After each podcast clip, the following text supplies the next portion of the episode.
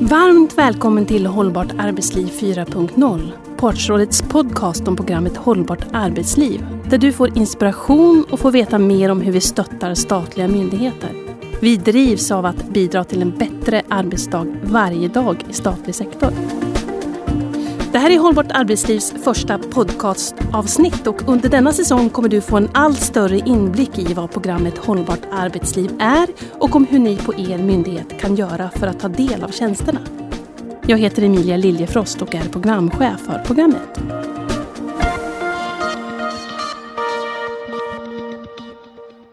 Idag har jag bjudit in två medlemmar ur vår styrgrupp, Partsrådets förhandlingsledning, som var de som beslutade om att etablera programmet i avtalsrörelsen 2017. Varmt välkommen Anna Falk, förhandlingschef på Arbetsgivarverket. Tack för det. Och Åsa Erba Stenhammar, förhandlingschef på SD och företrädare för OFR SBO. Tack så jättemycket. Därutöver, men inte här idag, har vi även representation från Saco S och Seko i styrgruppen. För det första måste vi kanske prata om namnet på den här podden, eller hur? Mm. Hållbart arbetsliv 4.0 anspelar på den fjärde industriella revolutionen och det var ju faktiskt den tyska regeringen som lanserade begreppet Industri 4.0 för några år sedan. Och allt eftersom har begreppet börjat användas i andra och olika sammanhang för att belysa hur fort teknikutvecklingen går och förändrar vårt samhälle, arbetsliv och produktion. Och vi valde namnet 4.0 inte för att det är framtiden utan för att det ställer krav på ett hållbart arbetsliv redan idag. Och teknikutvecklingen det är ju en av de faktorer som lyfts i programmets bakgrundsanalys inte minst eftersom det belyser vikten av engagerade arbetsplatser och betydelsen av lärande. Att inte kunna hänga med i teknikutvecklingen, digitaliseringen, det kan ju dessutom bli en riskfaktor för ohälsa. Så om jag vänder mig till er, Anna och Åsa, hur resonerade ni om de, den tekniska utvecklingen och kopplingen till ett hållbart arbetsliv i staten? För min del så tror jag att ganska mycket handlar om att det är, det är saker och ting vi inte känner till och hur man bygger någonting med den ödmjukheten av att man inte vet vad som finns bortom nästa krök. Men att vi ändå måste klara av det. Det blir som en paradox. Ja, jag kan väl hålla med där och konstatera också att eh, det var ju många frågor som var med i skapandet utav det här arbetsområdet. Och teknikdelen var ju en del i det hela men det fanns ju en hel del andra frågor som vi omhändertog under avtalsrörelsen faktiskt. Som kopplade, för precis som du sa, alltså det här med att ha friska medarbetare och komma tillbaks efter sjukdom och på det sättet. Det är ju en viktig del också för att klara av den här tekniska kraven på. Så jag tycker att de flöt egentligen in i helheten i våra frågor mer än att vi hade ett sånt där utpräglat tekniktänk just då. Men det har vi väl kunnat känna efterhand att det, det stöttar även det. Så just det här med att få ett helhetsperspektiv på ett hållbart arbetsliv, det var centralt för er? Ja, och jag tycker själva valet av namnet Hållbart arbetsliv inrymmer alla de dimensionerna. För att menar, det, det, går, ett hållbart arbetsliv är inte bara att inte bli sjuk utan att titta på varför man blir sjuk och hur man förebygger sjukdom ur ett mycket, mycket längre perspektiv. Och då vet vi att förändring är en utmaning och att om man inte följer med den förändringen så kan det ligga och skava och det kan vara någonting som bidrar till ohälsa. Så därför måste man nog ta, tycker jag, ett, ett helhetsgrepp kring de här frågorna. Och genom programmet Hållbart arbetsliv så erbjuder ju Partsrådet ett operativt stöd till statliga myndigheter och första tjänsten levererades för ungefär ett år sedan. Och idag har vi nått ut till över 120 myndigheter. Och beslutet togs 2017 och 2018 på våren gjorde ni ett etableringsarbete tillsammans med Partsrådets medlemmar. Vi har kommit in på det lite grann redan nu, men kan vi fortsätta och gå tillbaka till bakgrunden till varför programmet etablerades? Ja, men då vill jag återknyta till när vi satt i avtalsförhandlingarna. För det är ju där vi har nyttan av Partrådet. kan vi säga. Partrådet är ju en konstruktion som finns mellan oss som förhandlande parter där vi faktiskt har möjlighet att eh, gemensamt lägga fokus på frågor som är av stor betydelse för att vi ska ha vi ska vara attraktiva arbetsgivare, vi ska ha goda förutsättningar för en bra, bra arbetsmiljö i staten. Och då tyckte jag i alla fall, jag kom ju in ny då. Jag hade inte varit, förhandlat de här frågorna tidigare men det fanns ganska många yrkanden från våra motparter som var väldigt kopplade till hälsotalen, alltså eh, sjukfrånvaro, komma tillbaka till det. Men det fanns också ganska mycket kopplat, skulle jag vilja säga, till kompetensfrågor och hur, hur skapar vi oss så att vi är anställningsbara och hur löser vi hade att förhålla oss till vår pensionsöverenskommelse som snart skulle innebära att vi ska jobba längre och där vill vi förlänga attraktiviteten både i början och i slutet av arbetslivet. Och jag, jag tyckte att det kändes då som att vi hade många viktiga frågor som vi kunde omhänderta på det här sättet för att också på det sättet jobba mer om långsiktigt istället för att de ska komma upp och bli liksom eh, jag ska säga, stenar som rullar i varje avtalsrörelse. Så, så liksom blir det bara smågrus av det. Nu gjorde vi liksom ganska tidigt tycker jag, ett stort grepp kring det och pratade mycket om att vi ska hitta något som är lite hjälp till självhjälp som vi hade som ett liksom, ord då. Sen har vi byggt vad det nu innebär. Det var, det var lätt att säga då. Det har vi väl fått smaka på efterhand nu. Nej men det, det är precis som du säger Anna så har vi ju, alltså, inom partsrådet där kan vi jobba med frågor där vi har en gemensam problembeskrivning. Sen behöver vi inte alltid vara överens om rent varje detalj men jag tror att en av nyckelfundamenten här var att vi var så överens om vad är det vi vill åstadkomma och det är precis som du säger Anna, det, det handlade om sjuktalen, det handlade om ett längre arbetsliv, det handlade om att, att eh, Eh, det kanske låter lite ambitiöst, men att kunna främja det engagemang som finns inom den statliga sektorn. Jag menar, jobbar man inom staten så brinner man väldigt ofta för någonting. Man vill bidra, man vill liksom... Och det här kan, om, om det inte omhändertas rätt, kan det leda till ohälsa. Men om omhändertas det rätt så kan det skapas otroligt mycket fler synergieffekter. Och vi har ju jobbat med andra gemensamma problembeskrivningar inom partsrådet tidigare under många, många år. Men det har varit som Anna beskriver i lite kortare format. Och när vi tittar på de här frågorna så landar vi väl i att det går inte att göra några snabba lösningar. Det kommer inte få någon effekt. Vi måste ta ett helt annat grepp kring problematiken. Och här har ni ju fattat beslutet om att programmet skulle verka under fem år, alltså från och med nu fram till 2022. Hur tänkte ni kring tidsperspektiven? Jo men det var precis som jag sa, mm. att det här, vi vet att när vi, vi har ju startat arbetsområden inom partsrådet tidigare, då vet vi att första året är ganska mycket ett uppstartsår, att förstå vad det är som man ska göra. Sen ska man få igång verksamhet och så får man igång det och sen är det dags för en ny avtalsrörelse. För processerna är ganska långa och här vill vi med en hög ambitionsnivå som vi hade så ville vi att det också skulle få tid att ge effekt innan vi utvärderade och funderade på framtiden. Mm, jag kan bara hålla med. Det, det ger oss möjlighet att både se resultat, eller utvärdera och ta ställning till vad gör vi i framtiden sen. Precis. Om du, Anna, tittar på den här satsningen utifrån Arbetsgivarverkets perspektiv. Är det några särskilda aspekter som gör den här satsningen central och viktig? Det som vi har genom partsrådet och som ju är gemensamt för alla våra medlemmar som är delaktiga i det hela så känns det ju viktigt att vi då hittar kanske ett, ett, nytt format där vi kan rikta oss mer specifikt till var och en men ändå ha ett helhetsgrepp så att man kan ta vara på att ha en... Tidigare insatser har ju ofta varit att man kommer till ett inbjudet seminarium eller något sånt där som då består där både antingen kommer det partsgemensamt eller så kan man komma var och en för sig för att delta i det hela. Man får lite inspiration på något sätt. Nu, nu såg vi väl här att det här för att nå ännu längre så måste vi kanske ha ett koncept där vi riktar oss mer specifikt till en berörd myndighet. Även om vi har en gemensam liksom, produkt vi erbjuder. För det, den går, det ska gå att anpassa lite grann men det är ju inte vi skräddarsyr inte någonting unikt för var och en. Och det är också en tanke med det. Det är för att det finns mellan, från våra medlemmars sida ett stort intresse av att lära av varandra. Och vi behöver inte uppfinna hjulet var och en utan det här att, att ta nytta av saker som fungerar hos den ena vill man gärna få del utav. Och det är en viktig aspekt i det här tycker jag. Mm.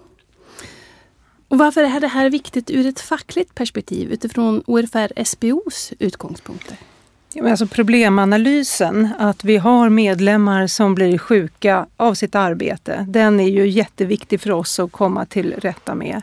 Eh, kan vi få bort de faktorerna? Sjukdom, att människor blir sjuka, det är inget konstigt. Men att man kan få bort att man också blir sjuk av sitt arbete, det är vad vi behöver åstadkomma. Eh, sen vet vi också att som de nya, både den allmänna pensionen och också vår tjänstepension ser ut, så behöver fler jobba längre och det är inte bara någonting man säger. Eh, många vill jobba längre men alla klarar inte av det på grund av hälsoskäl. Så det fanns som två stycken väldigt fundamentala utmaningar som våra medlemmar möter. Och då behövde vi komma längre och, och, precis som Anna säger att vi har bytt arbetssätt från att bjuda in till inspiration och kunskapsutbyte där vi har många olika myndigheter som möts till att kanske fundera på om det fanns ett annat sätt för att få större effekt. Och där kan man säga att bland alla de myndigheter som finns inom staten och andra arbetsplatser inom staten så ser de väldigt olika ut. Från jättekolosser med 20-30 000 anställda till små, små myndigheter med 7-8. De har olika behov, de har olika förutsättningar och de har också olika utmaningar. Och då kan man inte räkna med att alla får det stödet när vi erbjuder stöd bara i en form. Och det är ju för att frågorna är viktiga för oss och vi vill jobba på ett sätt så att vi kommer längre. Mm. Vad är styrkan i att programmets tjänster avropas och levereras partsgemensamt? Vad tänker du Anna? Jo men i det så finns det ju en, en, som jag ser en viktig styrka, det är ju det sättet vi sätter ihop de här tjänsterna, hur de kommer till. Att de då är liksom eh, skapade partsgemensamt på det sättet. Vi är väldigt väl medvetna om våra olika roller. Vi har en roll som arbetsgivare, våra arbetstagarorganisationer har sin roll att företräda medlemmarna.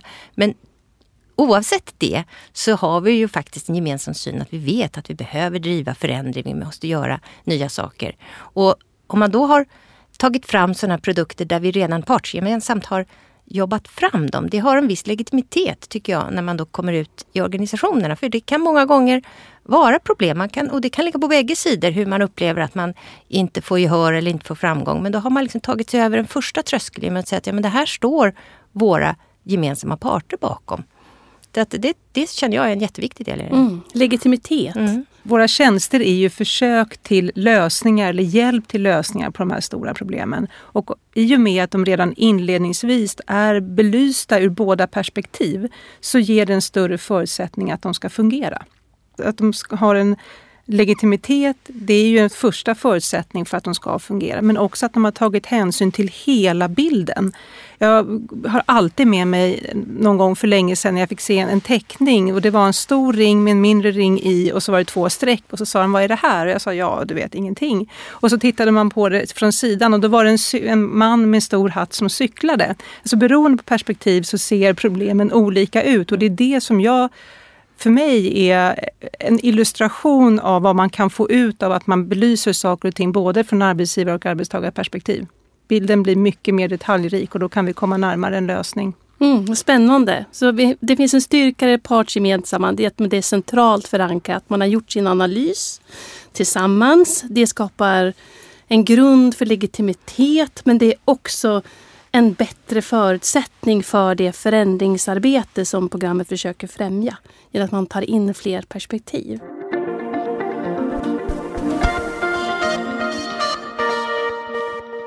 Men tillsammans med Partsrådets medlemmar så har ni landat i att programmet ska erbjuda direkta och operativa tjänster till statliga myndigheter. Och ni gjorde ett jobb tillsammans med 80 personer som tillhörde 50 olika statliga verksamheter som fick vara med och ta fram programmets syfte att bidra till en bättre arbetsdag varje dag genom friska engagerade arbetsplatser. Programmet kopplar ju samman friska och engagerade arbetsplatser. Och det här integrerar ju även verksamhetsnytta med arbetsmiljö. Vad betyder det ur ett arbetsgivarperspektiv? Att man gör den här sammankopplingen mellan friska engagerade arbetsplatser men även att integrera verksamhetsnyttan med arbetsmiljöfrågorna. Ja men det är väl ett sätt att visa att det hänger ihop. Har du en god arbetsmiljö då trivs folk på jobbet. Då kommer man till jobbet och då, då, är man, då får du ett, ett bättre engagemang och du får också en, en, en bättre friskhet. skulle jag säga. Har ihop på det sättet. Och det är ju viktigt på det sättet att se det här som en del i helheten. Och den, det är väl den jag tycker är jätteviktig. Att det här är en, en del i hela, hela verksamhetsplaneringen, hela utvecklingen utav sin egen verksamhet. Att, att tänka på att arbetsmiljön måste hänga med. Just det. Hänger det här ihop med utmaningar som statliga arbetsgivare står inför? Ja, och det står väl alla inför. Det är utmaningar inte bara för statliga arbetsgivare men det finns väl för andra också. Det finns väl kanske det som jag kan känna som för statliga, statliga arbetsgivare tenderar att få ganska mycket nya krav på sig hela tiden. Det lagras på, lagras på, lagras på. Det finns liksom ingen, ingen naturligt stopp som, på det sättet. Så det kan många gånger vara en nog så svår, eller kanske nästan svårare, utmaningen för det lilla privata företaget som plötsligt inte kan ta åt sig, kan liksom inte göra mer för man går omkull. Om man säger så. så därför tycker jag att det är, en jätte, det är en jätteviktig del. Och vi har kopplat till det också viktigt att, att vara attraktiva. Vi, vi behöver kompetensen för att kunna utveckla vår verksamhet också. Mm. Så utifrån att utmaningarna och ökad komplexitet ökar i samhället så påverkas alla. Eh, och de statliga verksamheterna inte minst utifrån hur man är organiserad och arbetar på uppdrag av regeringen. Förstod jag det rätt då? Ja, så kan man, alltså uppdraget har du ju på det sättet mm. och, och uppdragsgivaren kan lägga på mer och mer mm. och du vill leverera på det och då måste man värna om sin. För jag kan väl säga så också att i i, i de statliga verksamheterna är ju till största del personalberoende. Det är ju, mm. liksom det, som, det, är, det är ju medarbetarna som ska göra jobbet. Vi har ju inte, det är ingen processindustri eller någonting sånt. Så därför så är medarbetar och arbetsmiljön då oerhört viktig. Mm. Och ur ett arbetstagarperspektiv, vilka reflektioner får du utifrån de du företräder? Nej men det är ju eh, den analysen som vi ganska ofta kommer tillbaka till. Att, att vi ser att sjuktalen ökar framförallt bland yngre kvinnor men även börjar stapeln för yngre män ökar. Eh, vi ser att vi lever längre och att det kommer bli svårt att försörja. De som jobbar kommer ha svårt att försörja alla de som går i pension. Vi behöver att fler jobbar längre. Vi ser också att själva arbetslivet i sin grund förändras väldigt, väldigt snabbt har man varit på någon sån här föreläsning som pratar om digitalisering så verkar ju det här gå i lavinartad takt. Och jag kan själv bara tänka tillbaka på att när jag var ung fanns det inte mobiltelefoner och mina barn frågade men hur gjorde ni när ni skulle träffas på stan? Ja, man bestämde en specifik plats och så kunde man stå och vänta en timme. Alltså det, det, förändringar sker oerhört snabbt och det och det är ju hela för mig grunden i att vi behöver jobba med det här men också att vi jobbar med hur vi ska ta oss an det på ett öppet sätt. Vi har inga svar. Det finns inga svar. Det finns olika sätt man kan försöka och utveckla men även våra lösningar måste hela tiden förändras. För att det, hittar vi någon, någon lösning, eller, eller så här, skulle det finnas en självklart åtgärd för att komma åt de här utmaningarna, då skulle alla använda det. Utan vi måste hela tiden utveckla våra verktyg eller våra åtgärder eller vad vi kan göra för att stötta. Och vad som krävs för en bra arbetsmiljö med dagens utmaningar behöver inte likna det som krävs om fem år. Då kan det vara helt andra saker. Just nu pratar vi om aktivitetsbaserade kontor eller öppna landskap och vi pratar om att jobba hemma eller att sitta på plats. Det är de stora frågorna men om fem år kan de utmaningarna se helt annorlunda ut. Till exempel tror jag det här med digitala skyddsronder kommer bli någonting som kommer bli mycket, mycket större och kraven på hur vår digitala arbetsmiljö utvecklas öka. Har vi som arbetar för och inom statlig sektor ett särskilt uppdrag? Jag brukar ibland tala om att staten inte är som vilken sektor som helst utan vi är byggnadsställningen för samhällsutvecklingen. Är frågor om hållbart arbetsliv särskilt angeläget inom staten? Jag tycker ju det. Inte bara i legitimiteten utifrån att det är en myndighetsutövning men också utifrån att utmaningarna kan vara lite specifika. Eh, Å ena sidan så ska staten befinna sig på en, på en arbetsmarknad eller i ett arbetsliv som är under stark och snabb förändring. Å andra sidan så lyder man under lagar och regler som är skapade för ganska länge sedan men som vi fortfarande tror på och de här två ska jämkas ihop. Och till det så kommer kanske förändrade uppdrag när politiker byts ut eller man inser man, man vill någonting nytt som kan också komma ganska snabbt. Och de här tre byggstenarna tror jag gör att statlig sektor behöver vara medveten om sin komplexitet och hela tiden jobba aktivt med de här frågorna. Vad tänker du Anna? Alltså jag tänker på det utifrån också att eh, det statliga uppdraget, ja det kan man kanske lite ibland se som en byggnadsställning. Men det, jag tror också de som ska bidra till det, att skapa attraktiviteten för att förhålla sig till att tendensen att kanske vara väldigt eh, lång och trogen i sin tjänst kanske, ser jag en ganska stor förändring av.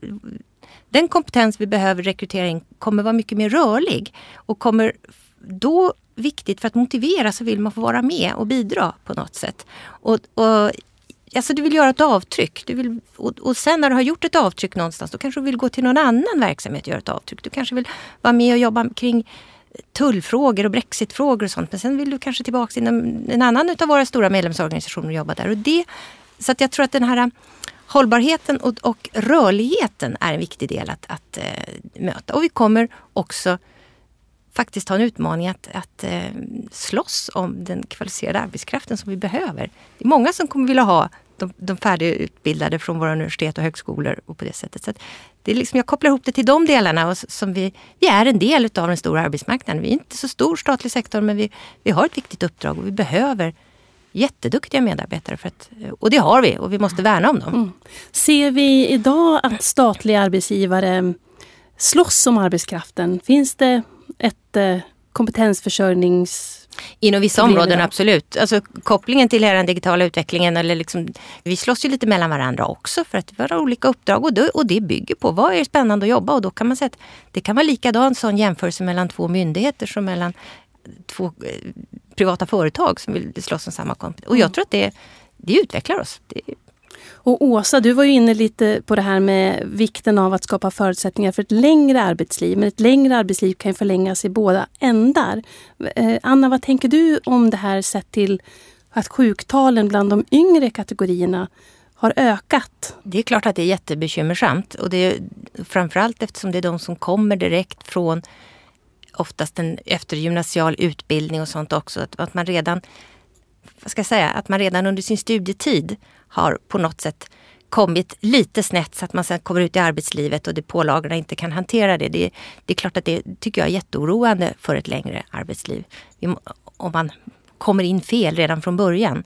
Och det får en att till exempel välja bort att jobba i det som man egentligen har velat hela tiden. Det, mm. så att, den här frågan är jätteviktig för oss. Och just som Åsa var inne på, att vi ser att det, det är de unga, såväl kvinnor som män, som vi ser den här tendensen just nu. Mm. Man kan ju prata om, om kulturkrockar på, på olika sätt. Men eh, jag roar mig med att betrakta på, på min egen arbetsplats att jag har liksom tre generationer egentligen om man pratar om en generation som tio år. Och så har man den, den yngre generationen som kanske slåss för veganska eller vegetariska julbord. Och så ska de samarbeta med personer som ja, har kanske tillbringat halva sitt arbetsliv utan att ha en e-mailadress. Alltså vi, och det här, vi kanske behöver ha fyra generationer inne på arbetsplatsen, eller kanske till och med fem. Och då krävs det en hel del. Och nu har vi inte djupat i direkt varför sjukskrivningstalen bland de unga ökar, men jag tror att arbetsplatser med en god arbetsmiljö lättare kan introducera de nya generationerna till arbetsplatsen. Där man är van att hantera människor som är väldigt olika eller har olika liksom, uppfattningar eller förväntningar på sin arbetsplats. Och där, där ser jag att, att, bara att vi lyfter de här frågorna på många olika sätt och försöker anpassa våra sätt att lyfta dem på till respektive arbetsplats är en, en väg framåt. Idag erbjuder programmet Hållbart arbetsliv åtta tjänster där partsrådet kommer ut direkt på er myndighet. Och vi har tjänster som handlar om att sätta agendan för att prioritera ett hållbart arbetsliv, organisationsutvecklande tjänster och tjänster som utvecklar på individ och gruppnivå. Variationen mellan myndigheter är stor, det har vi pratat om. Både i hur man arbetar, vad uppdraget består av och hur verksamheten är organiserad och hur styrningen fungerar och hur arbetsmiljön ser ut. Har de här skillnaderna som finns mellan eh, myndigheterna påverkat hur ni i styrgruppen fattade beslut om hur programmet skulle utformas? Vad säger du Anna? Ja, vi har ju hela tiden haft att beakta att statlig sektor är inte en bransch, att det är så pass olika. Både som vi varit inne på i storleken på en statlig myndighet men också i uppdragen skiljer sig åt väldigt mycket också kring vad man har för utmaningar i det. Så det har vi ju haft med i det hela eh, och ändå kan jag säga att det är ju ingen av de här tjänsterna som vi har sagt att den här är direkt inte applicerbar på den här typen av medlemmar eller på den andra. Utan de går, men det är, det är en implementering eller ett mottagande för att genomföra det ser ju väldigt olika ut. Mm. Och vad var det för resonemang och erfarenheter som gjorde att ni valde att erbjuda ett operativt stöd genom direkta tjänster till myndigheterna? Ja, men det var lite det som jag var inne på eh, tidigare här, hur, hur man ville vända på steken, hur, från hur partsrådet har i de på, andra pågående arbetsområdena. Som har lite karaktären här vill jag säga för att inom en del av dem har man ju tagit fram väldigt in, bra webbutbildningsmaterial och då är vi nästan lite grann i gränsområdet mellan varandra. Men, och sen fanns det ju en tillbaka i tiden där man hade haft en annan modell där man egentligen genom som, alltså kunde avropa men mera direkta medel för att utifrån ett, eh, en ansökan säga att det här vill vi jobba med och så, det här, och så fick man en finansiering för det. Som prövades under en tid men som sen inte riktigt föll så väl ut och då sa vi att vi måste hitta tillbaks till det men styra upp det lite mer. Så känner vi att det var. Just det. Och jag känner mig också väldigt stolt över det sättet som vi har jobbat fram de här tjänsterna. det har inte varit några förhandlare vid ett bord som har suttit och diskuterat vad vi tror skulle lösa allting. Utan det här har ju varit samskapande tillsammans med lokala parter. Och där vi har vinnlagt oss om att ha representanter från alla olika former av myndigheter, både stora som mm. små. Och att det också se över helheten i utbudet, att det ska vara saker som kan vara lätt att ta till sig om man inte har så mycket interna resurser som kan jobba med det. Men ändå saker som, man, ja, som ska kunna passa alla. Så att det inte, ska, inte bara ska ha en målgrupp framför ögonen. Nej, och sen var vi ju väldigt öppna med att vi måste få pröva det här. Vi var, vi var faktiskt på det sättet med förankringen ute i verksamheterna men ändå en, en en, en, en orädsla för att testa och se, håller det här? Och, några, och de, de är ju av varierande innehåll. Några var färdiga produkter som vi kunde använda. Några var direkt styrda från önskemål utifrån verksamheten för att liksom omhänderta kunskap som redan fanns. Mm. Och styrgruppen, där även Seko och SACOS är representerade, tog ju beslut om fem tjänster som lanserades under förra hösten och sen har programkontoret tillsammans med er eh, lagt till ytterligare tre tjänster. Därutöver finns det ju ytterligare tjänster i planeringen för nästa år. Och det är en blandning av tjänster i form av workshops, analystjänster, konsultativt stöd och IA-systemet. Det var viktigt för er att få med digitala komponenter i tjänsteutbudet. Varför det? Ja, det är ju för att det ska hålla över tid. Om man säger så att det behövs ju, om vi nu gör detta och får genomslag och får efterfrågan så ska vi också räcka till och hitta så att det ska kunna på ett bra sätt och utifrån de krav man har idag kunna skapa spridning för det. Och då är ju en, en digital komponent oftast det sättet att nå ut med. Vi gör ju det här för att vi vill skapa en förändring. Vi gör ju det här för att vi vill ändra hur utvecklingen av sjuktalen ser ut och vi gör det här för att vi vill eh, skapa en bättre, ett bättre arbetsliv. Ja, men det som är vår utgångspunkt, en bättre arbetsdag varje dag.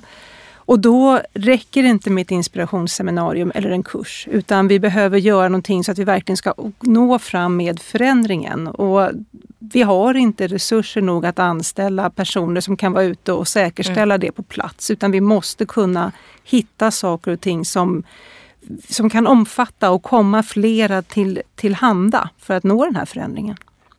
Det programmet erbjuder ska inte bara vara ett operativt stöd utan också vara anpassningsbart. Och det som erbjuds de statliga verksamheterna sker genom församtal, leverans och uppföljning med myndigheten.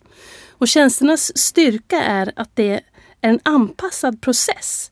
På vår webb hållbartarbetsliv.nu visar vi grundbultarna i tjänsterna men det bästa är att höra av sig till oss för att få en bättre förståelse och få veta mer om processen och arbetssätten.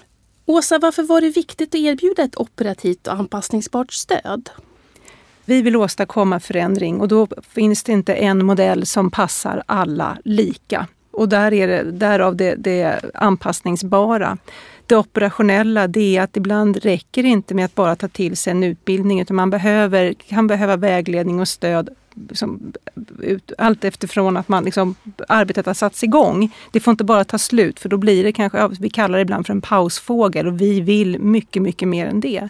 Och det är ändå så att vi har som ambition att skapa och tillhandahålla ett stöd i de här frågorna utifrån en problemanalys som jag tycker är ganska allvarlig med sjuktalen, med det förändrade arbetslivet, med eh, teknikförändring och kraven på att vi ska jobba längre. Och vi har ett forum där vi har medel som våra våra medlemmar och Arbetsgivarverkets medlemmar ska kunna känna att de får nytta av och då måste vi anpassa våra tjänster så att det blir nytta.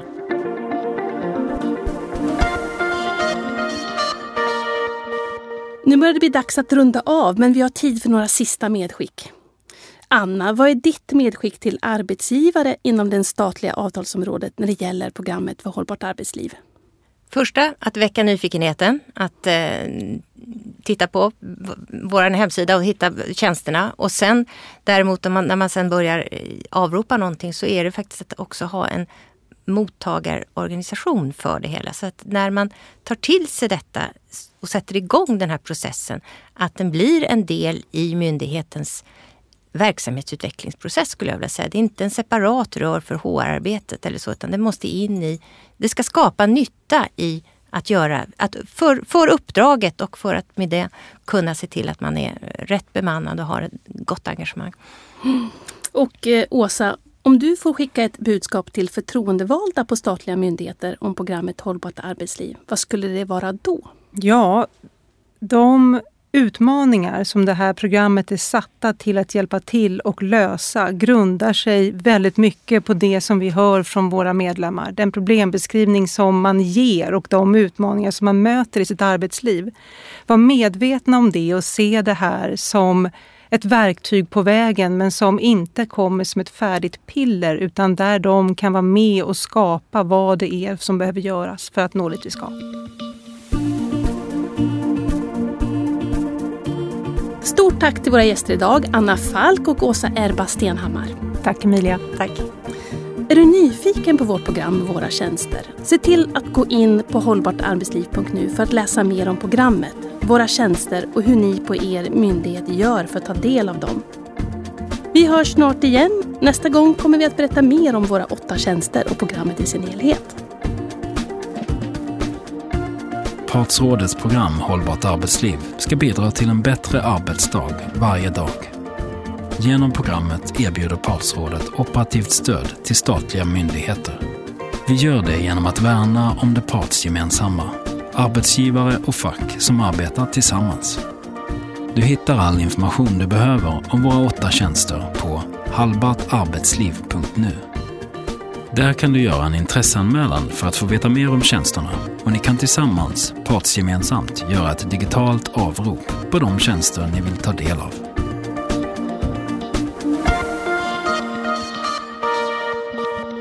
Det här programmet görs på Beppo. Beppo.se